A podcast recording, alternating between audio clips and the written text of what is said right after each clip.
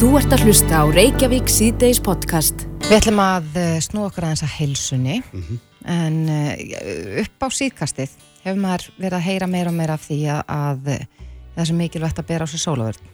Já, Jafnvel þó að sólinn skíni ekki að það nái geislatni í gegn og, og að þetta sé hennilega besta leiðin til þess að, að reyna að koma í veg fyrir ymsa sjúkdóma, húð, krabbamein og, og annað.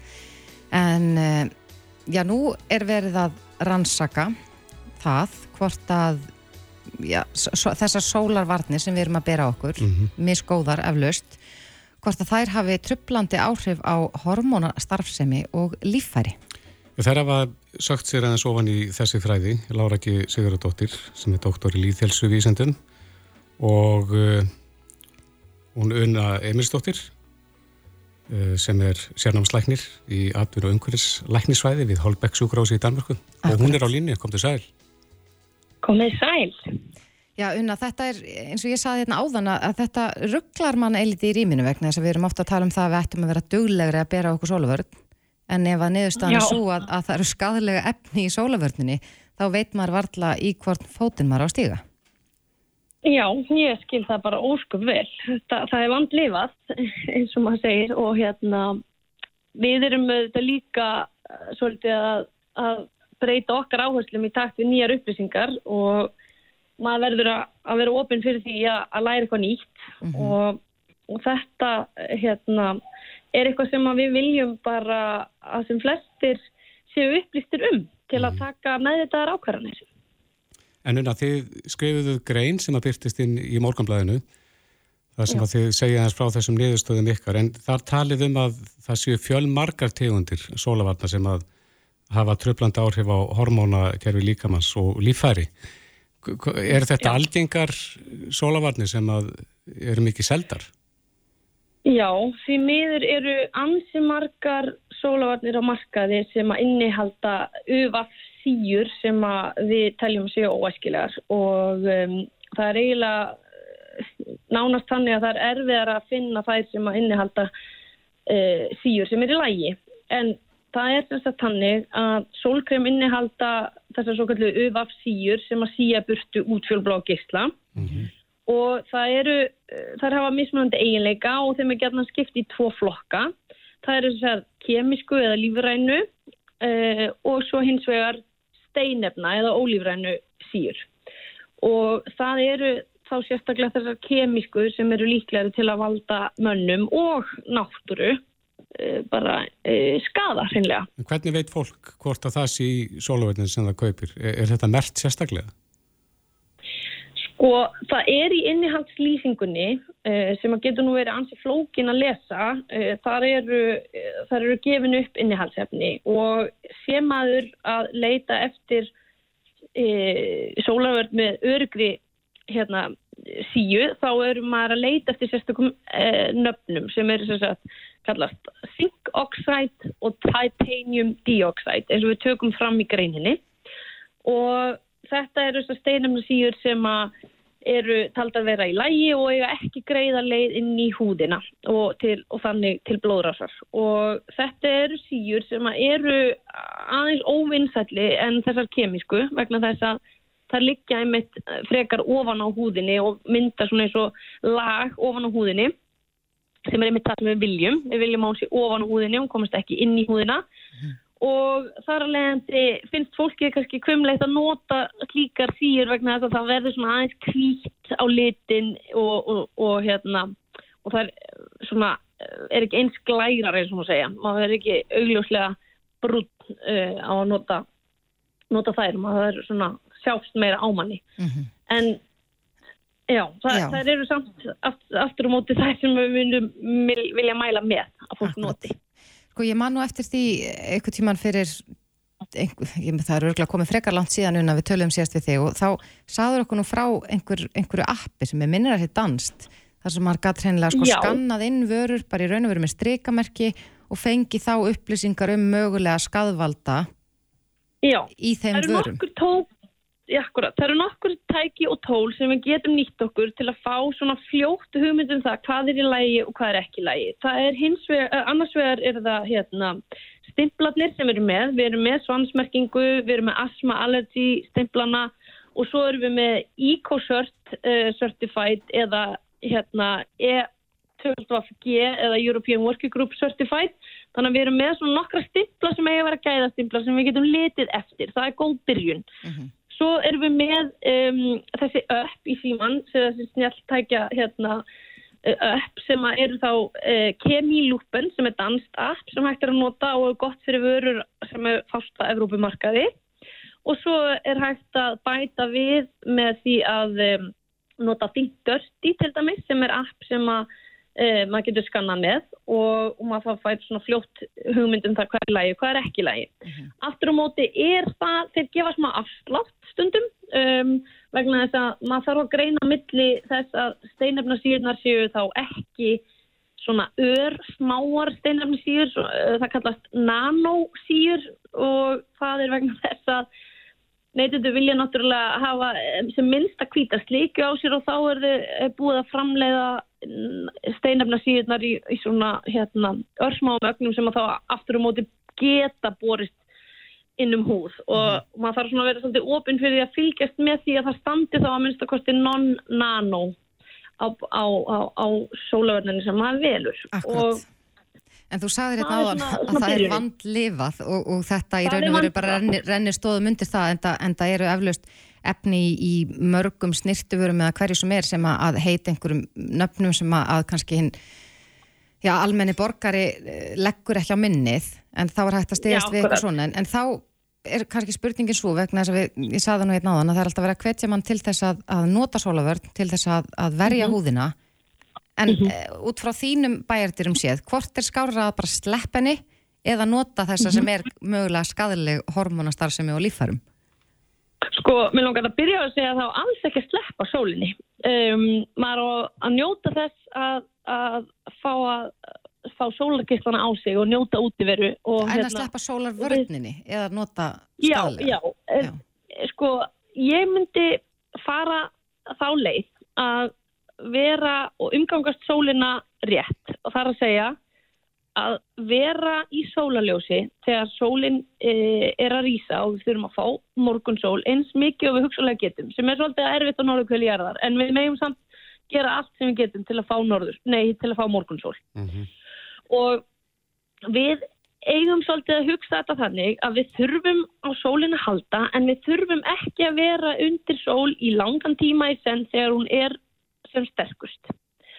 Og við höfum gott að því að því litinu til að hún stillir e, líkamsklukkun okkar og myndar D-vitamin og, og bara mikilvæg fyrir líkamstarfsemi en við eigum ekki að fara út og vera í marga klukkutíma í sólinn þegar hún er sem sterkust og, og eiga hætti á því að brenna. Þá eigum við að nýta okkur skugga og fatnaf og hatta.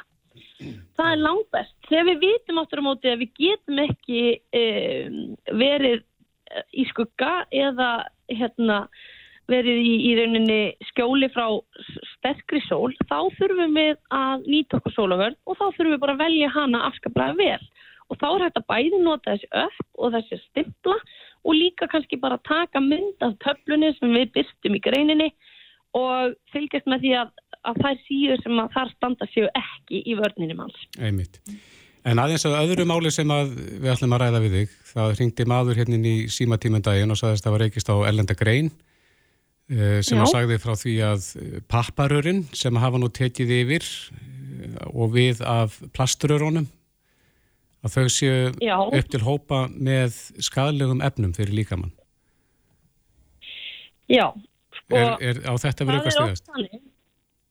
Já, sko það er nefnilega oft þannig að yðnarinn svarar oft einhverju einu banni eða, eða, eða hérna, aðtikli sem að einhver efni fá um að sé slæm og þeir koma með svar og framlega eitthvað annað sem að er jafnvel verra. Og stundum er á þannig að maður þarf bara að vera með kritiska hugsun og, og í rauninni svo litið hugsa allt sem er einnota, við þurfum að mika bara nótkun almennt af öllu sem er einnota og maður getur líka oft uh, bara að hugsa svo litið um, svona raugrætt má segja að, að það sem er að leysast upp jáfnvel í vökunum sem við erum að drekka hérna, á meðan við erum að drekka það, það leysist upp í hérna, þessi papparur og ofta bara orðina engu áður en að drikkurinn er búinn. Við eigum að reyna að minka þetta allt, bara, það er bara svona almenna hugsunin. En það sem er að gerast núna er að man, menn er að finna svo kvöldu PFAS efni í þessum rörum. Er, er það hættulega efnið í, í rörunum? Það er í rauninni þetta hættulega forever chemical sem er að finnast í rörunum, já. PFAS, já. PFAS og, og þetta eru flúorefni sem að, hafa fengið aðtikli núna undanfarið vegna þess að þau sapnast upp í lífríkinu og við vitum í rauninni ekki alveg hvaða langtíma áhrif það mun hafa á okkur að þau sé að sapnast upp í umhverfunu. Og þetta eru sagt, efnasambönd sem að innihalda svona flú, flúorkeðjur og, og hérna sumar stúdjur hafa tengt þessi efni við. Ímis konar krabbamein um, til dæmis í nýrum. Svo eru áhrif á ónæmiskerfi og það er verið að hugsa um, um hérna lifur og, og jafnvel um, svona hérna ægslun, eða ægsluna vandamál í, í kringu þetta allt saman. Þannig að þetta, er, þetta gæti haft margs konar áhrif á, á mannslíkamann en við vitum ekki alveg nógu mikið um það hversu mikið legur í vögvann, hversu mikið berst frá sérstaklega rörinu yfir í vögvann sem er drukkin og, og hvað, hvað aflenga það mun hafa í förmur sér. Þannig að þetta ég, er ég, já, litið... Ég, ég rakst hérna á frétt af rannsókn sem að leiti ljósað af 20 rörum sem að voru til skoðunar já. að þá var þetta hættulega efna að finna í ádján Þannig að þetta er, þetta er dágóðu slatti sem að þarna er undir. Já og það eru í raun fleiri rannsóknir sem ég hef séð það sem að það hefur verið nánast í, í sko öllum uh, í bara 100% sínana hafa verið pífasefni. Þannig að maður mælir í rauninni með að nota stálrör eða glerrör eða bambus. Bambus hefur reynst svona best af þessum einnota rörum að mista kosti. Svo eru þetta langt best að vera ekki að nota of mikið af þessu einnóta þessum einnóta vörum En þessi, þessi efni, þessi PFAS efni eru þau já. skadleg ein og sér sko, ef maður já, drekkur kannski eitt smúði á viku eða eitthvað slíkt með svona röri er það skadlegt fyrir líkamann? Sko það er það sem að menn oftast já með það sem að rannsóknir er að sína dýrarannsóknir og annað en við erum svo litið rannsóknadýrin eins og er vegna þess að við vitum í raunin ekki alveg hvaða áhrif þetta mun hafa um, á okkur sem, sem erum að, verða fyrir ör áhrifum jafnvel á hverjum degi. Nei. Já, endur tek það sem við sögðum á hana, það er vandlifað en við erum alltaf að reyna að gera okkar besta og reyna að uppfræða okkur og, uh, og þú tekur Já. þátt í því með okkur, unna. Já, ég reynir reyni mitt besta að koma með upplýsingar þegar eitthvað, eitthvað nýtt kemur fram og hérna, það snýst náttúrulega bara um líðheilsu. Það, það er bara okkar eina svona ósk, það er að við séum bara öll sem bara eh, hraustust á Íslandi. Já, Unna Emilsdóttir, sérnámsleiknir í atvinnu og umhverjusleiknisfræði við Holbeck sjúkrásið í Danmörku. Kærar þakkir fyrir þetta. Takk fyrir mig, takk fyrir það samband. Þú ert að hlusta á Reykjavík C-Days podcast.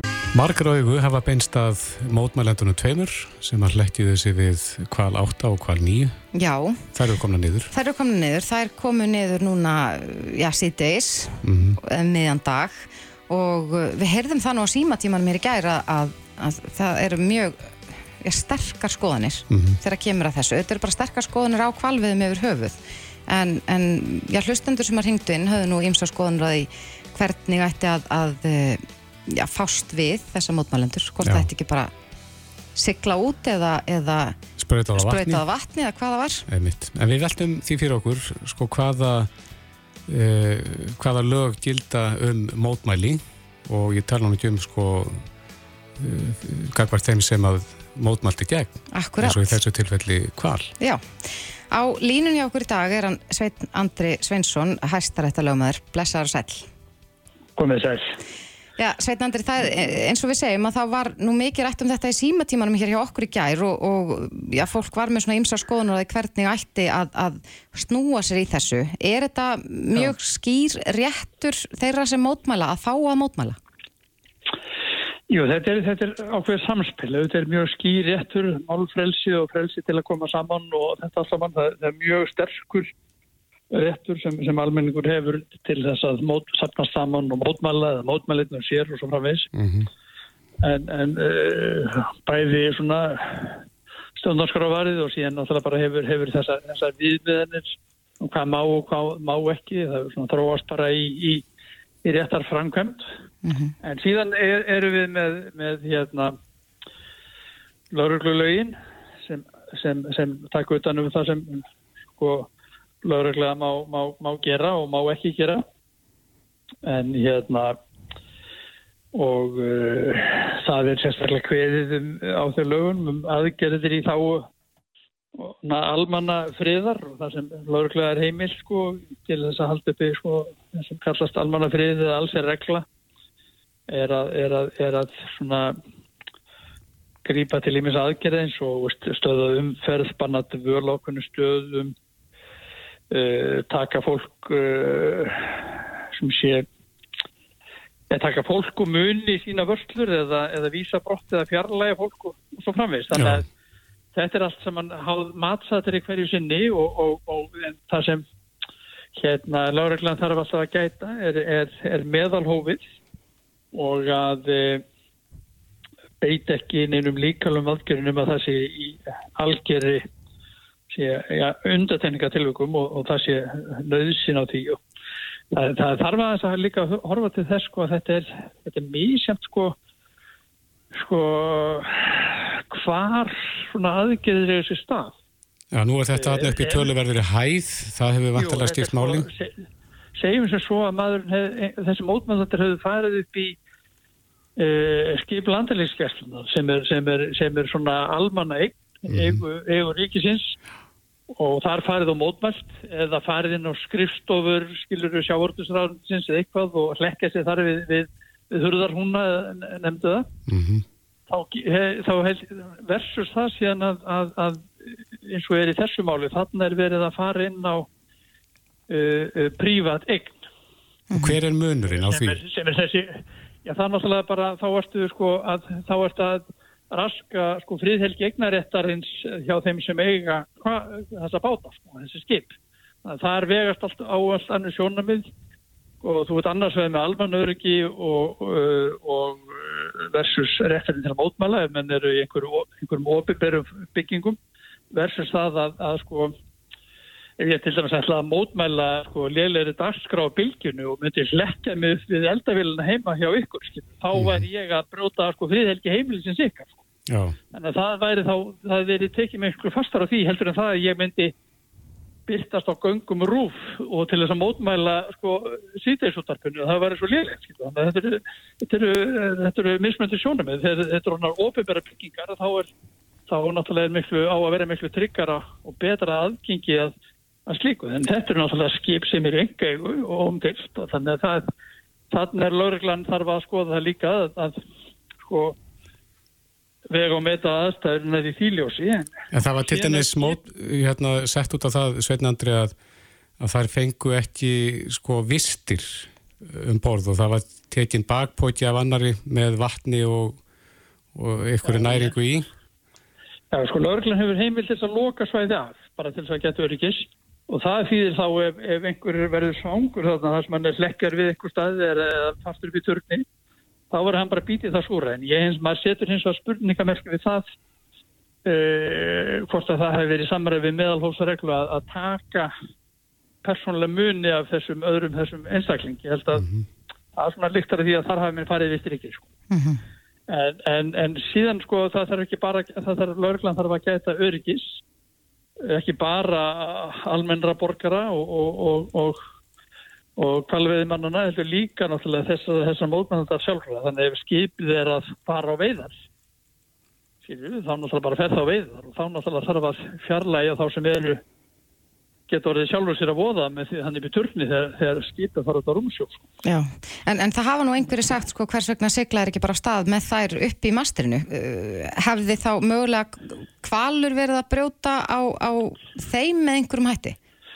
Nei, það er náttúrulega sko, það er auðvitað réttir kvals bara til að, til að sigla, en þar hefur náttúrulega mögulega verið að, verið að setja fólki hættu með því og það er náttúrulega það sem lauruglan vildi komið vekk fyrir með því að, að hérna, að, að fólki verðin uppi. Við þekkjum náttúrulega úr sögunni líka þegar er mótmæli svona be, beinast gegn sko, enga hagsmunum og það sem er verið að raska sagt, fjárhaslum hagsmunum. Við þekkjum þannig þegar, þegar, þegar Óma, Óma Ragnarsson var fjarlæður þarna á mótmælum við einhverja gattafrangvöldir þá náttúrulega var verið að sko raska hagsmunum verktaka sem var þá að tapa peningum af því að þarna voru menna mótmæla og svo framvegs. Mm -hmm.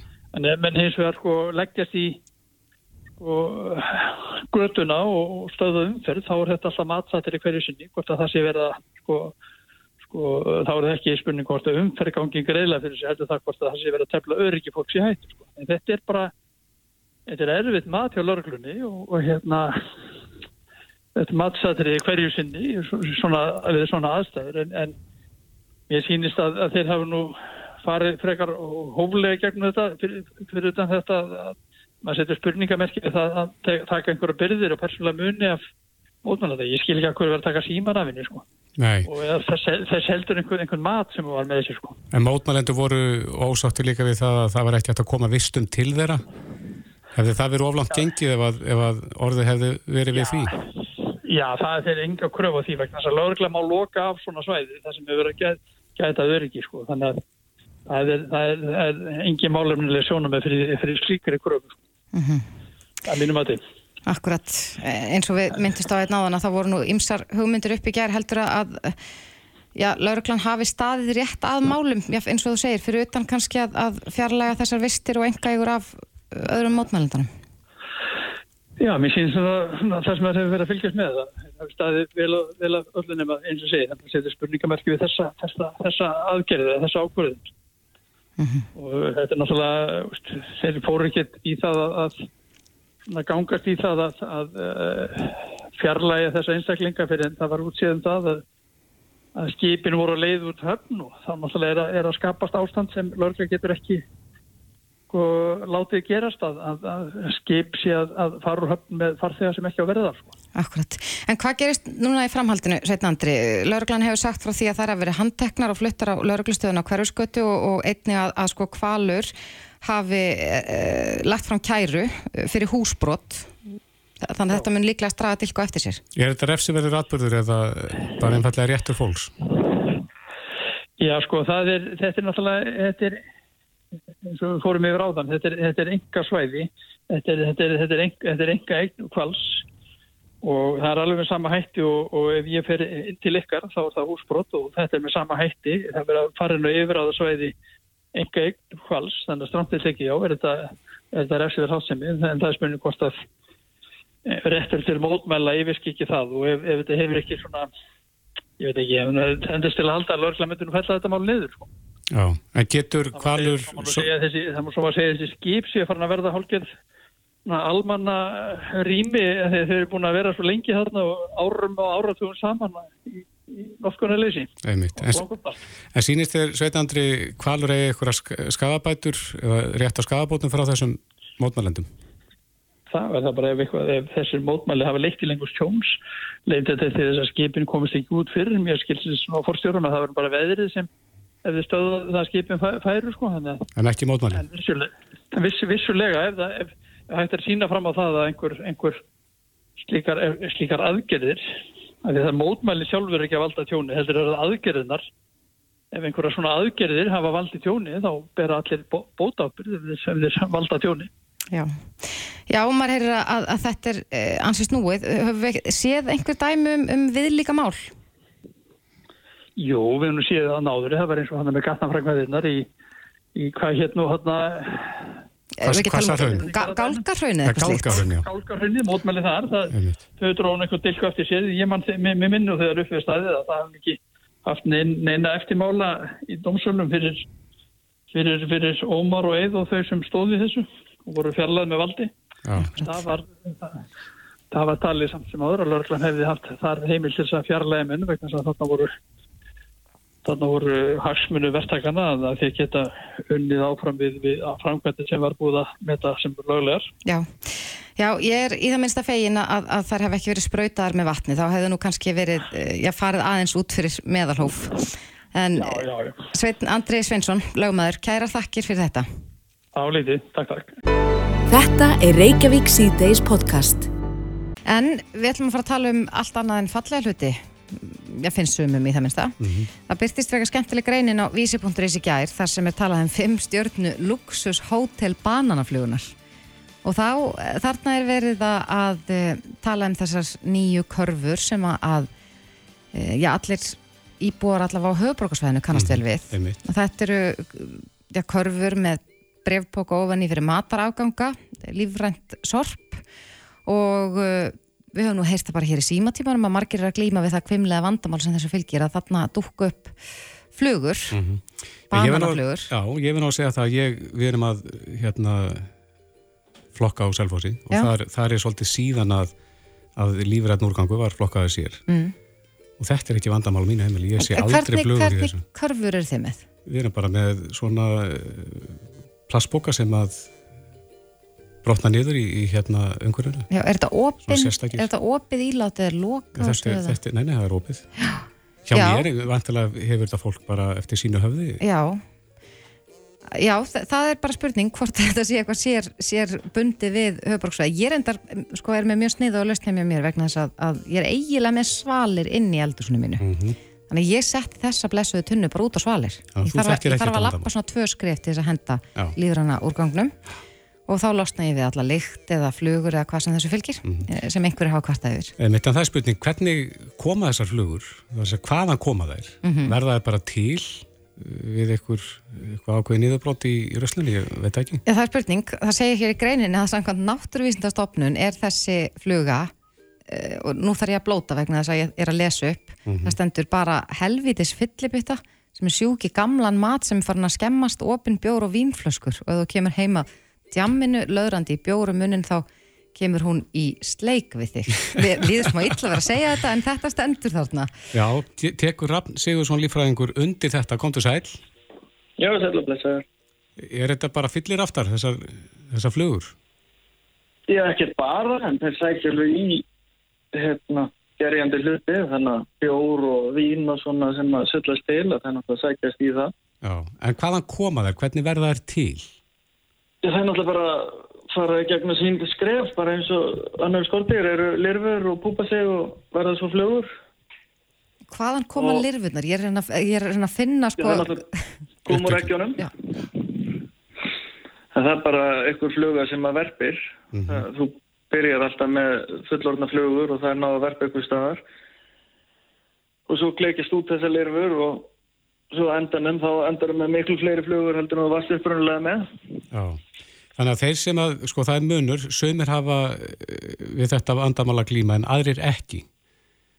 Er þá bananaflugan til staðar eh, fyrir á þeim heimilum þar sem fl- þessi fluga er?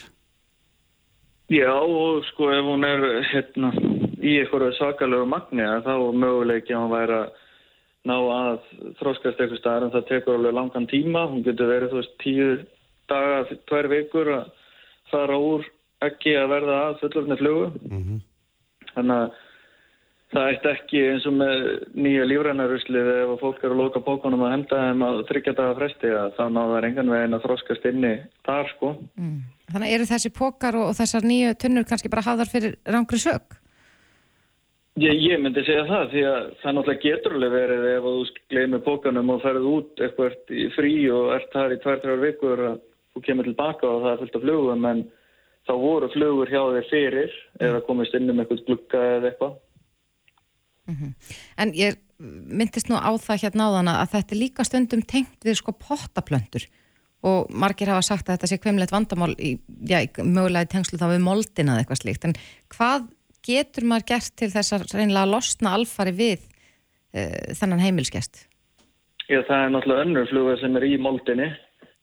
Já, þetta er ekki sama tegundin. Nei, hún Nei, nei. sækir í moldina, ávægstaflugan sækir í ávægsti og gerjandi hluti. Akkurat. En, þannig að þú er, er mjög ólíkar aðferðir til að losna við þetta. Farða eins yfir aðferðina til að losna við þetta. Hva, hvað aðferðir eru það best, eða bestar? Það er náttúrulega fólk er með alls konar ykkur límspjöld og eitthvað en síðan er bara að finna ef þetta er að ná að þroskast hér heima hjá og þá er að eitthvað staðar, það getur verið bakvið eitthvað staðar smá biti sko, það er bara, það þarf mjög lítið til að ná að fara að fjölga sér í alveg gríðalegt maks sko. er, þú veist, eitt banani getur fætt 1500 flugur, þannig að Já, Það er ekkit smá. Já, þetta er yfirleitt held ég að koma aðalega með ávöxtum og einhverju svoleiði sem að fólk eru að vesla mhm, og koma einhverju örfáar. Ég hef ekki séð hjá neinum vera eitthvað rosalegt magnaflugur neitt aðar. Ég b- sko, ég vil nú varla segja frá því en ég lendi nú eins og nýði á mínu heimili fyrir þó nokkur árum síðan að, gleyma póka af kartöflum lengst inn í skáp í ansi langan tíma og, og það, mér leiði nú bara eins og að, að sko, kartöflupókin myndi bara hreinlega fljúa út af sjálfstæðum en þá, En þá- þá hefur líklegast verið bara nægur tími fyrir það að fjölga sér alveg eins og vindurinn Akkurat, það varstu með þarna nóg af einhverjum gerjandi hérna, kartöflum út í hotni og það hafa einhverju flugur komið stað þess að það er náttúrulega kom ekki bara úr engu. mhm. En ef þú ert ekki með neitt svoleiðis þá ætti maður að vera alveg góður sko. En það sem að þessar flugur eru, er það þá orði vandamál sem erfitt er að, að ráða við? Nei, það er yfirleitt þótt þú fáið flugur og þá ætti ekki að vera neitt vandamál. Því að það er þurfa einhverja góða staði og langan tíma og það þótt á þrýfir einu sinni viku þá ætti það ekki einu sinni að ná að þróskast upp í fullurna flugu. Nei. Þannig að það ætti ekki að lífræðina ruslið og svona það er ekki að fara að valda þessu til að fara í eitthvað mikið maks sko. Nei. En ef maður er alltaf að, sko, maður er að skipta út bókanum og setur alltaf nýtt og nýtt lífrænt rusl, er maður þá ekki bara að, að halda þeim góðum inn á heimilinu? Og þá vantanlega tókstu ruslið í burtu og þar væru ekkinn og lirfurnar þannig að það er þurft að byrja alltaf upp á nýtt. akkurat. En á maður ekkert að kippa sér upp að það sé, það sé já, ein og ein svona fluga inn á það er- heimilinu? Og það kom alltaf í meira magni svona akkurat yfir sumatíman. Mm Þannig að það er ekki eitthvað nýtt að þær sé að sjást núna. Það er bara núna er allir með lífræna ruslið og þá er fljótt að benda puttanum á það að þetta sé að koma þaðan. Já. Er Það rapsó, gæti verið ef eitthvað er sko í ruslatununum ef það eru orðnar vel skítuar og að henda blöytum pókum og eitthvað næra leka og lokar þeim ekki almennilega. Mhm. þar sem að gæti náða fjölga sér en síðan ef að þær eru í frosti og svona þá ættu þær ekki að ná heldur að lifa af veturinn. nei, akkurat. En svo er aðrir að glíma við eh, aðra pláu sem eru húsflugur. Þær eru af öðrum toga eða ekki? Jú, jú, jú, það, þær koma bara inn um gluggan sko. Já. Þær eru náttúrulega út um allt. Geta þær orðið eh, að pláu líka? Já, þú gefur þessu öllu færi það, þá geta þær alveg orðið að veðsynni líka en Já, ég held að það sé ekki svona algengt að þú sért með þær í einhverju svakalegu magni. nei. En, en það eru venjulegar húsflugur og svo er líka það sem að, ég hef í það minnst alltaf kallað fiskiflugur. Ég uh, átt að áttum ekki alveg á því hvað það heita í alvörinni. en Þessar. Þessar stóru sem virðast vera alltaf stærri og stærri. Ég sá eina um daginn sem var bara stærri við bíflugu. Það er náttúrulega þessar fiskiflugur, það er margar tegundar af þeim, kallast fiskibokka og hræbokka og alls konar svo leiðis. En eins og fiskiflugan er þekkt fyrir þá sækir í fisk og hún verður náttúrulega bara í eitthvað fisk eins og ef þú verður búin að vera gera fisk og skilja eftir hérna, afskurðina og svona og hún myndir ná að fjölga sér þar. Já, En hún tar líka tíma, það er ekki nóg bara að skilja þetta eftir yfir eina nótt. Nei. Já. myndir bara mögulega sjá lirfur á fisknum. Einmitt. Já en bóðskapurinn hér í dag það minnst að bara að, að halda áfram að vera duglegur að, að, að ég henda þessu rusli reglulega, leifa því ekki að vera inn í tíu daga og Já, þannig að fjölgurnar, nei þannig að flugurnar náu að fjölga sér. Já, Já. Það er leggsiða dagsins. Rapp Sigursson, lífræðingur, kæra þakki fyrir þetta. já, takk fyrir mig. Bless, bless. Bye bye. Þetta er Reykjavík C-Days podcast. Áfram höldum við Reykjavík síðdeis, uh, flutningamarkaðurinn, sérstaklega sjóleiðina hefur verið í umræðinu upp á síkastið. Já, það bárastu þetta fréttir að því fyrir helgi að, að eh, já, samskip eh, verði sektað um 4,2 miljardar vegna samráðs og það var nú árið 2021 að, að Eimskip samti við samkeppniseftilitið og greitti þarna held ég 1,9 miljardar var það ekki? Um það bil. Um það Já. En uh, við fengum í gær til okkar starfandi forman efnaðs og viðskiptanemndar og fórum aðeins yfir þetta og, og auðvitað hafa hinn er ímsu aðlar bent á að þetta já hefur, ef að samráð hefur átt sér stað að þá hefur þetta bytnað á, á neytendum hvort sem það eru einstaklingar eða fyrirtæki. Og uh, já, við svona veltum því upp í gær hvað, hvernig þetta muni skila sér í ríkiskassan eða aftur til neytenda eða hvað Ólafur Steinhessin, frangotastjóri félags atvinnureikanda hefur nú reynda að gefa það út að einhverjar af hans félagsmennum er að skoða hvort að það er að sætja bætur fyrir þetta samráð. E, Ólafur er komin, velkomin. Takk fyrir. Já, hefur þið heyrst eitthvað meira í þínum félagsmennum? Er, er ykkur alvara bakvið að skoða þetta? Já, já, alveg klárlega.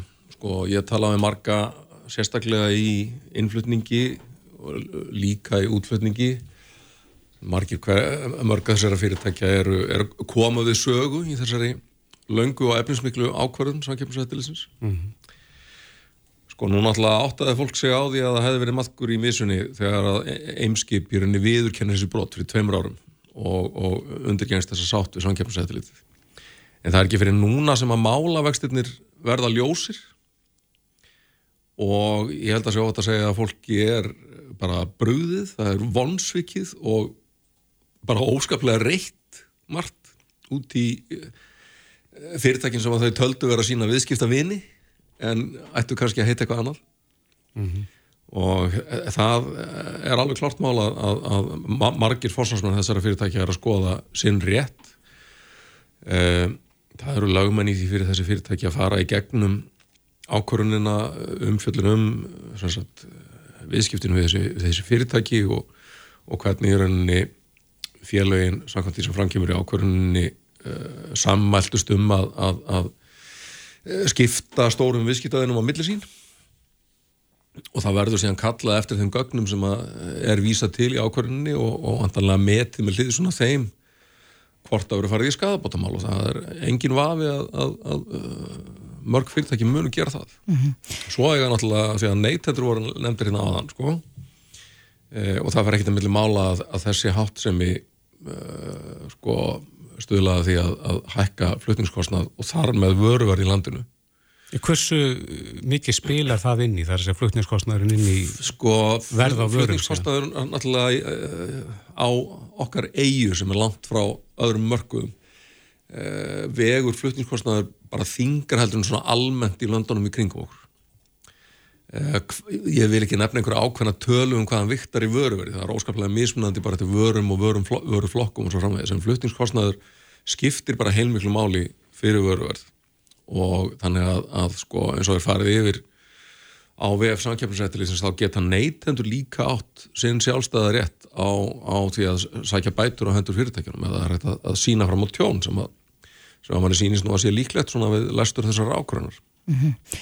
En, en þú hefur sagt eh, og fleiri hafa sagt að þurfi að, að stýja þessum félagum í sundur og, og, og svo er þetta já kannski skortur, við erum ekkert með endalösa hafnir hér sem að, að við getum verið með uh, flutning til og frá.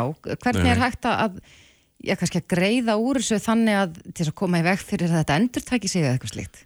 Einmitt, sko partur af reyði og, og frústrasjón fórsvarsmanna fyrirtækja sem að eru núna að telja sig að hafa verið svikna og tröstir að misnóta fælst í því að þeir get ekki farið. Hvert átt að fara? Til hins skipafélagsins. Eh, það, það eru keppinöttar, eh, hérna, minni keppinöttar eh, þessar tveggja stóru en þeir eru kannski með einhver 5-6% af, af flutningamarkanum eitthvað svo leiðis. Þannig að sko, einmitt, til þess að þetta endur takkir sig ekki og til þess að fjölga kostum fyrirtækja sem eru í inn- og útlutningi þá þetta verður að opna þennan flutningamarkað. Eh, partur af vandamálinu er uh, þetta fyrirkomulag hér í, í, í sundahöfni, fagsaflóðahöfnum, að þessi tvö stóru skipafélag er unni skipta með sér bara viðlegu kantonum og löndunarbúnaðinum, er með langa lóðarlegu samninga og svo framvegis. Uh, kom út skísla í fyrra sem var unnin fyrir fagsaflóðahöfnir af, af alþjóðlega ráðgjafa fyrirtæki Drúri mm -hmm. sem kemur fram að, að langs skinsanlegasta fyrirkomulagið og þar sem það er við líði í flestum höfnum á svona svipari starð í landunum í kringum okkur er að það sé eh, annarkvort höfnin sjálf eða þriðjaðili sem að reki landunum búnaðin og skipa afgræsluna eh, þannig væri sko í fyrsta lagi hægt að hagraða mjög mikið í sundahöfn. Eh, það væri hægt að spara pláss. Það væri, eh, þetta myndi opna uh, höfnina fyrir keppinutum heimskipa og samskipa. Þeir þyrfti ekki að semja við keppinutar sína um, um sko, skipa og svo framvegis Myndi þetta fyrirkomulag lækka vöruverð á Íslandi? Það uh, finnst mér bara afskaplega líklegt sko aukin samkeppni stuðlar eiginlega alltaf að því að lækka vöruverð Mhm. En eins og við sjáum bara til dæmis á keflauguflugulli þar sem að, að, að Ísafja rekur sko, flugvöllin og svo er verið að keppast um lendingaleifi er þetta eitthvað svipað Já, í fyrirkomulega á raun, það rauninu kannski? væri þetta kannski svona sömuleyti sambarlegt fyrirkomulag En er þetta komið þess á hratt og öruglega eða eru of langir samningar við þessi tvö stóru Það er örglega einhver, einhver flækja í því og að einhver leiti er þetta líka undir þessum fyrirtækjum sjálfum komið. Sko ég er nú ekkit sérstaklega bjart sín eftir viðbröðin undanfannan daga. Þannig að samskip eh, er bara í þvermáðskunni, eh, hafnar því að nokkur brot hafi átt sér stað. Það er reynda strax orðið að hæpiða því að sko hinnaðilin í samræðinu er búin að viðkenna brotin. Eh, og til vara eru menn svona í einhverjum hérna lagatæknilegum atriðum um að ef þeir hafi gert eitthvað rámt þá sé það fyrnt sko, nú er ég uh, eimskip hins vegar dílar við málið bara með þögninni. Þa, þaðan heyrist ekkert. Og þetta er ekki að hjálpa. Sko uh, ég held af því að ég er nú bæðið gammal blaðmaður og gammal píarmaður að ég viti um hvað, um hvað ég er að tala þegar ég segja að þannig eru þessi fyrirtæki bara dýfka hóluna sem þau eru komin ofan í. Eh, þau þurfa að stíga fram með einhverjum hætti og segja við viljum bæta fyrir þessi brot. Við byggjumst afsökunar, við viljum bæta fyrir brotin. Partur af því gæti verið að ganga til samstarfs við fagsaflóahafnir, við sveitarfjölu og skipulags yfirvöld hér á höfðböggarsæðinu, mögulega við samkeppnisettilitið um að brjóta upp þessa kósi sambúð í, í sundahöfn og hleypa keppinutunum að. Þá væri mann að sína að þeir tækju þetta alvarlega og, og vildu læra sínum. En eins og staðari núna er tröst þessara fyrirtækja uh, já, ef ekki að segja bara við alkull. En nú er ekkit langt síðan að við vorum að bæði hér og, og bara í öllum fréttum var verið að tala um að flutningskostnar mun nú bara koma til með að hækka út af voru það ekki einhverjum svona mengunar tollar og Evrópu tilskipun og, og, og fleira þannig að við það, það, það segja skipafélagin Já, en, en, en hefur þessi... flutningsverði einhvern tíman lækkað síðan að þetta samráð hafa átt Nei, að hann lítið farið fyrir því. Og sko okkar félagsmenn hafa mikið kvartað undanfennum misseri og þess vegna sendum við nú samkjöfnsettilitinu erindi í síðasta mánu við vissum ekki að þessi ákvörðun væri væntanleg. Við sendum samkjöfnsettilitinu erindi með ýmsum ábendingum um miklar hækkanir á flutningskostnaði, gældska eimskipa við viljum hækkað um, um 15% á árunni sko, vel umfram verðbólgu um ógegnsæjar verðskrár skipafélaga, um mismunin sem að fælst í því að erlendi byrgin fær oft betra tilbóð í flutninga á örunni heldur en, innlend, heldur en innlendi innflytjandin og vorum sömulegis með ábendingar um, um, um hérna, þetta fyrirkomulagi í sundahöfn. Þannig að við fögnum því mjög að samkjöfnarsættir gátt þetta álit sitt á fyrstudaginn og beinir því til innviðar á þeirra fagsaflóhafna, sveitarfélagana, ekki síst Reykjavíkuborgar að gera nú eitthvað í málunum.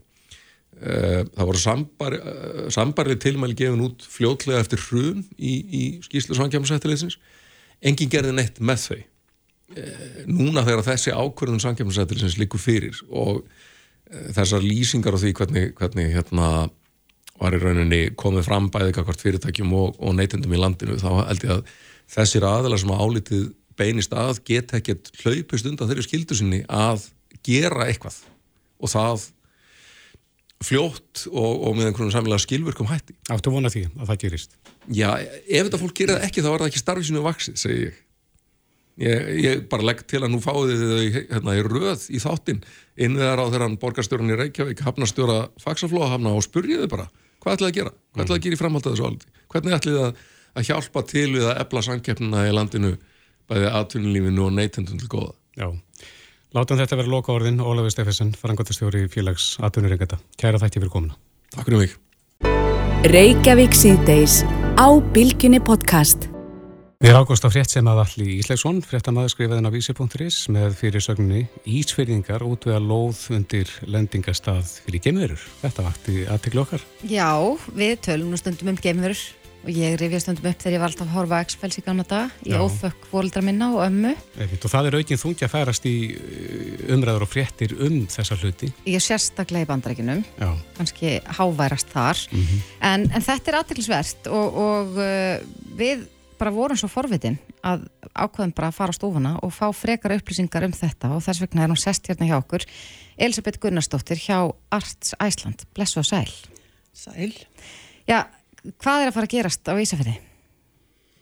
Já, við erum að fara að útbúa þessa lóð uh, með svona móttökupalli, lendingapalli og uh, nokkuð háum svona turni með speiklum og um, sem eiga að laða að ákveðna tegund af skipum sem að fljúa um geimin. Hvers, hvaða tegundur að skipum? Já, þetta er bara geimskip. Við veitum náttúrulega ekkert mjög mikið, eh, hérna, höfum ekki séð mörg, Nei. en uh, við vonum að, að þetta laði að einhverjar skemmtilegar verur. Mm -hmm.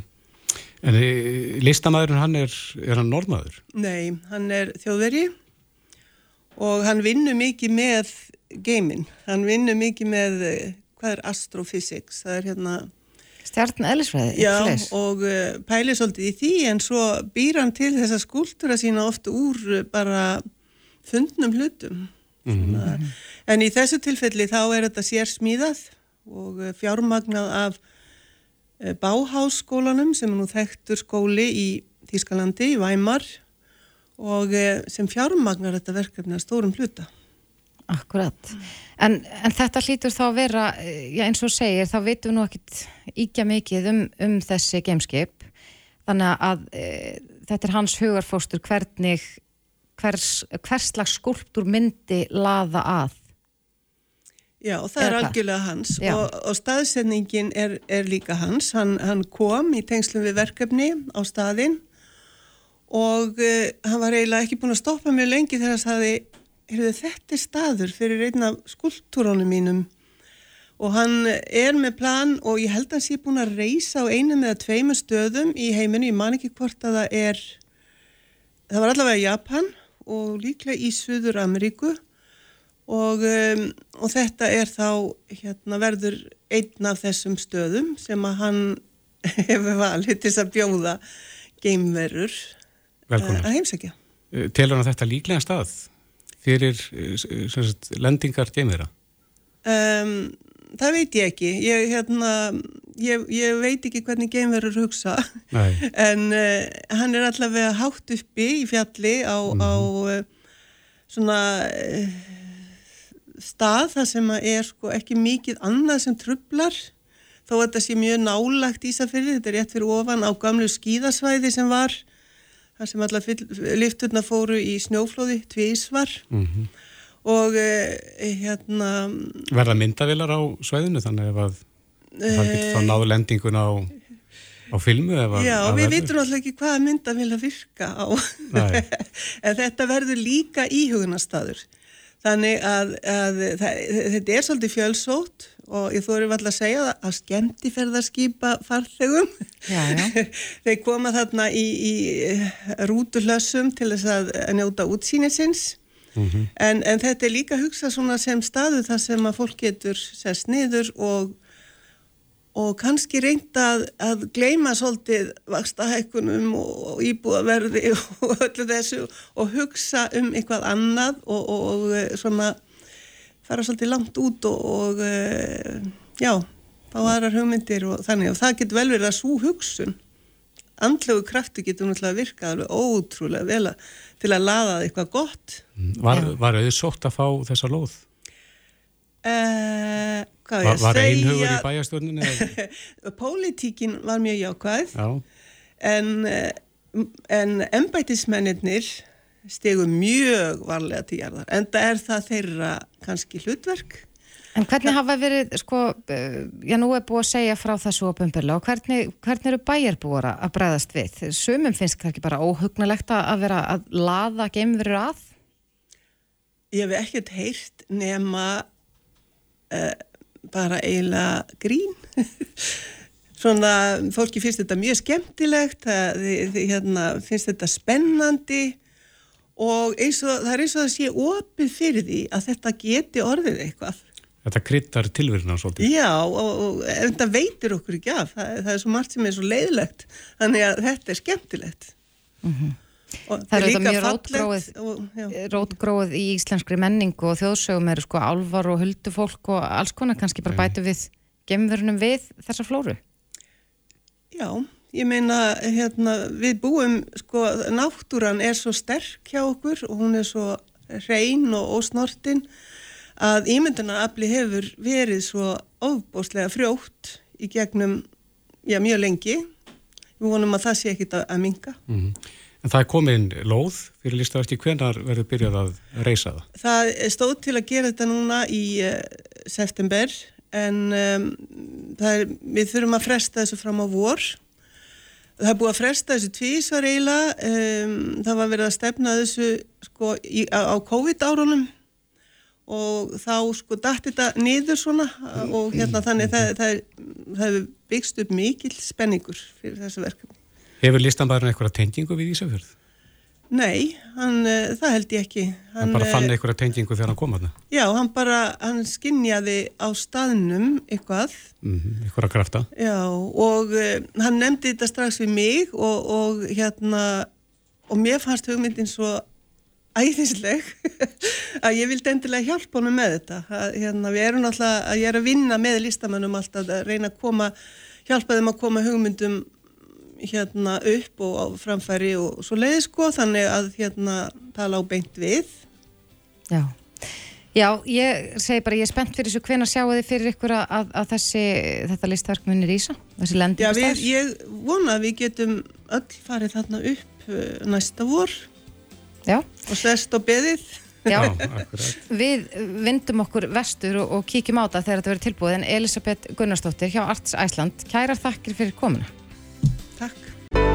Hlustaðu hvena sem er á Reykjavík C-Days podcast.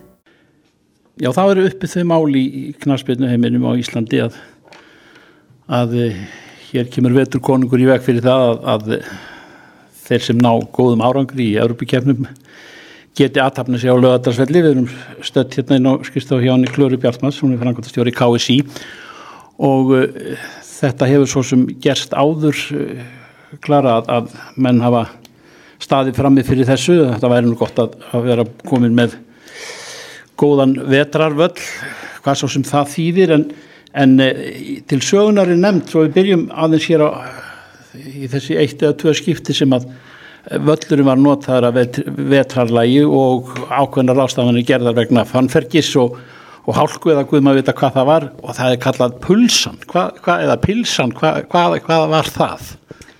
Já, þetta er sem sagt er, hérna, er hýta pilsa eða hýta tjald mm. sem settir yfir völlin og blásið upp með gasi mm. og sem sagt hýta þannig að það er hægt að nýta þessa pilsu til þess að hvað ég á að segja að hjálpa, hjálpa vellinum að takast á við, við frost mm. það er þetta hann, pilsan hún, eða hitinn náttúrulega hérna afþýðir frostið, efstalagi af frostinu, þannig að það hún getur hjálpa verulega til að gera völlin leikhæfan þar sé flutina, en síðan er náttúrulega utankomandi áhrif sem geta breytt miklu, þetta tjald, þessi hitta tjald, það þúlir ekki mikið vind.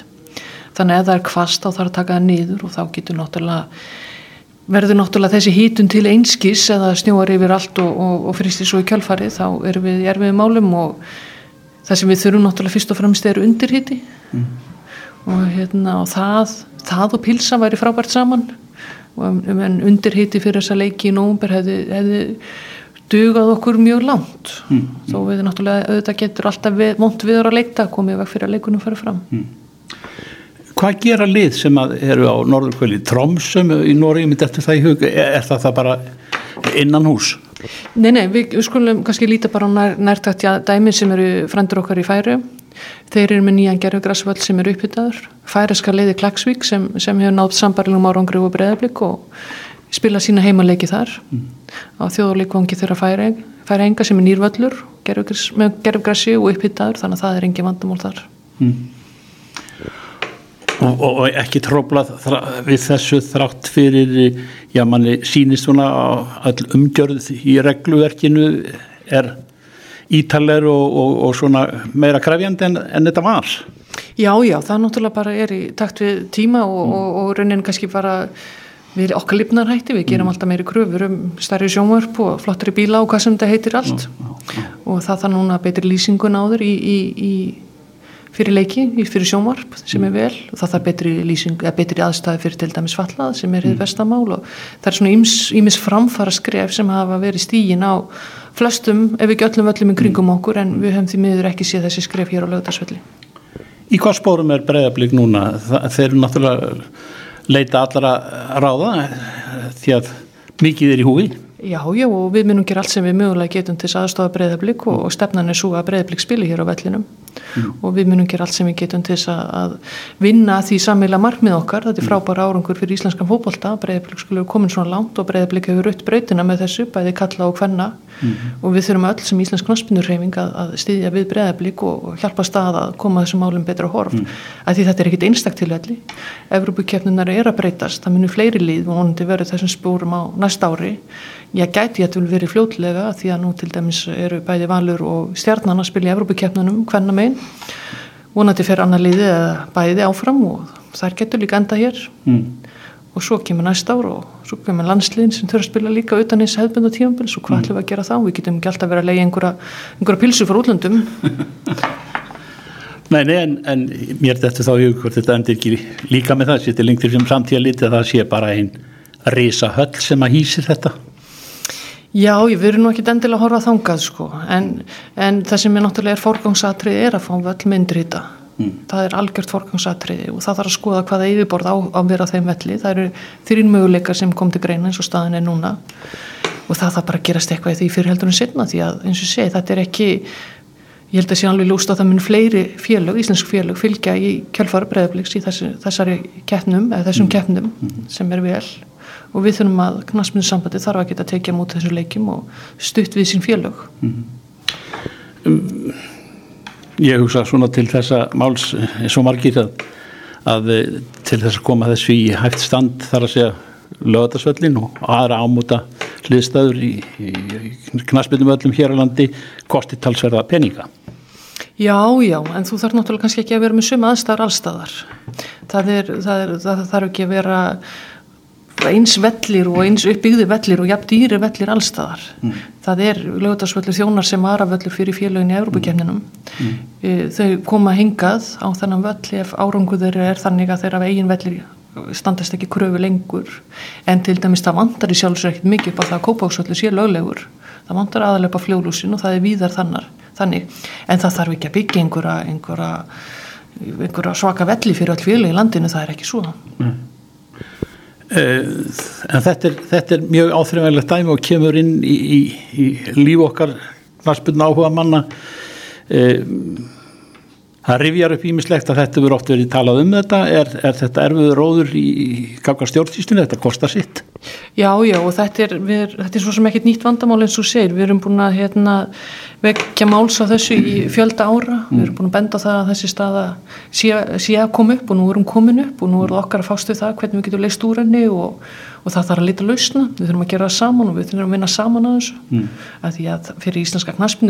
að þurfum við lausnir sem eru varalegar, við getum ekki verið að leysa eitt leik í einu, við þurfum að finna lausn sem íslensk knaspinna og knaspinna áhuga fólk getur svona un, unnan við og, gagnast öllum mm. En þú, uh, Klara, sem frangaldarstjóri KSI mm -hmm. um, ég sá þegar ég kom hingað inn að, að forsvarsmenn Breðabliks voru, að fara hérna e, þeir eru þeir eru tilbúinir í slægin við auðvöðuna Já, já, þetta er nú ekki fyrstu fundurinn sem við höfum áttum við bregðblikum þetta mál, þetta er þriði fundurinn núna á stundum tíma og við erum búin að funda líka með Júfa og öðrum og við erum saman í þessu, þetta er sameiginlega vegferð okkar, mm. það er að leita lausna og við vinnum saman að því og, við minnum stilla saman strengi okkar og, og hjálpa stað að gera það sem best við getum fyrir bregðblik og fyrir íslenska fókbalta. Mm. Og svo eru fleiri á, á leiðinni, er það ekki? Fleiri leiðinni? Það er að segja að sækjum lögadagsvöld á vetra tíma kvennaknaspinnan og allt er í miklum uppgangi. Jú, jú, og það náttúrulega er þannig að lögdagsvöllur er heimavöllur landsliðana mm. að landsliðana og það er líka varavöllur liðana í Evropakefni fjarlagsliða og við þurfum að vera tilbúin til að taka mútið þessum liðum öllum. Að kalla og að kvenna geta verið að spila í februar og massa næst ári við Evrópu, eins og segir, hvernaliðin ég er að spila í Evrópikeppninu núna í þessari viku þau geta komist áfram mm -hmm. síðan getur breyðablík fara ennþá lengra mm -hmm. hvað ætlum við að gera þá? Mm -hmm. hvað ætlum við að gera? Frá við sem knaspinu áhuga og íþrótta þjóð við horfum á það við vitum ekki til þess að þessi nokkur vallur í Evrópu á jafn slæmum stað og lögdagsvallur, það er bara þannig það er, við erum að kallir að fara að spila við Luxemburg á förstu daginn, það er nýrvöllur. Mm. Klagsvík er að fara að spila í færium á nýlegum þjóðarlegkongi uppbytta gerðugrans og svo sittum við hér í, í, í vandraða gangi Emitt, þetta er e, e, eitt að lokum klara stendur það í lögum, ég sá þetta einhvers þar í fyrirsögn að, að KSI beri skilda til að, að hafa leikvall tilbúin að vetrarlagi hvað sem raular að dautar. Það er í reglugjörð, eru ákveði það nú ekki nefnt vetralægi, mm. það er ég man ekki nákvæmlega orðalægi en það kemur fram í reglugjörða að kási byrja að hafa völd tiltækan fyrir liðin í Evrópakefninni ég held heldur að það þurfu ekkert að standa í reglugjörðum að sjálfsögðu er lögdagsvöllur og þjóðarleikfangur varavöllur félagana í Evrópakefnum eða hafa ekki kost á að spila heimavöll. Það bara likur hlutunni segli mm fáum við styrk til að gera þetta? Erlendis frá eða frá knastbyndu fórustun í Evrópu í, í þessu tilviki? Þetta er bara eitt af því sem við erum að skoða. Við erum að skoða ymsa leiðir í þessu og hvað við getum gert og, mm. og við þurfum bara að tökum eitt skrif í einu varandi það. Já, og segjum bara áfram breyðablík á, á uh, löðarsvelli hvort sem við verðum vetrabúningur eða hausbúningur Takk fyrir þetta Klara. Takk. Reykjavík síðdeis á Bilginni podcast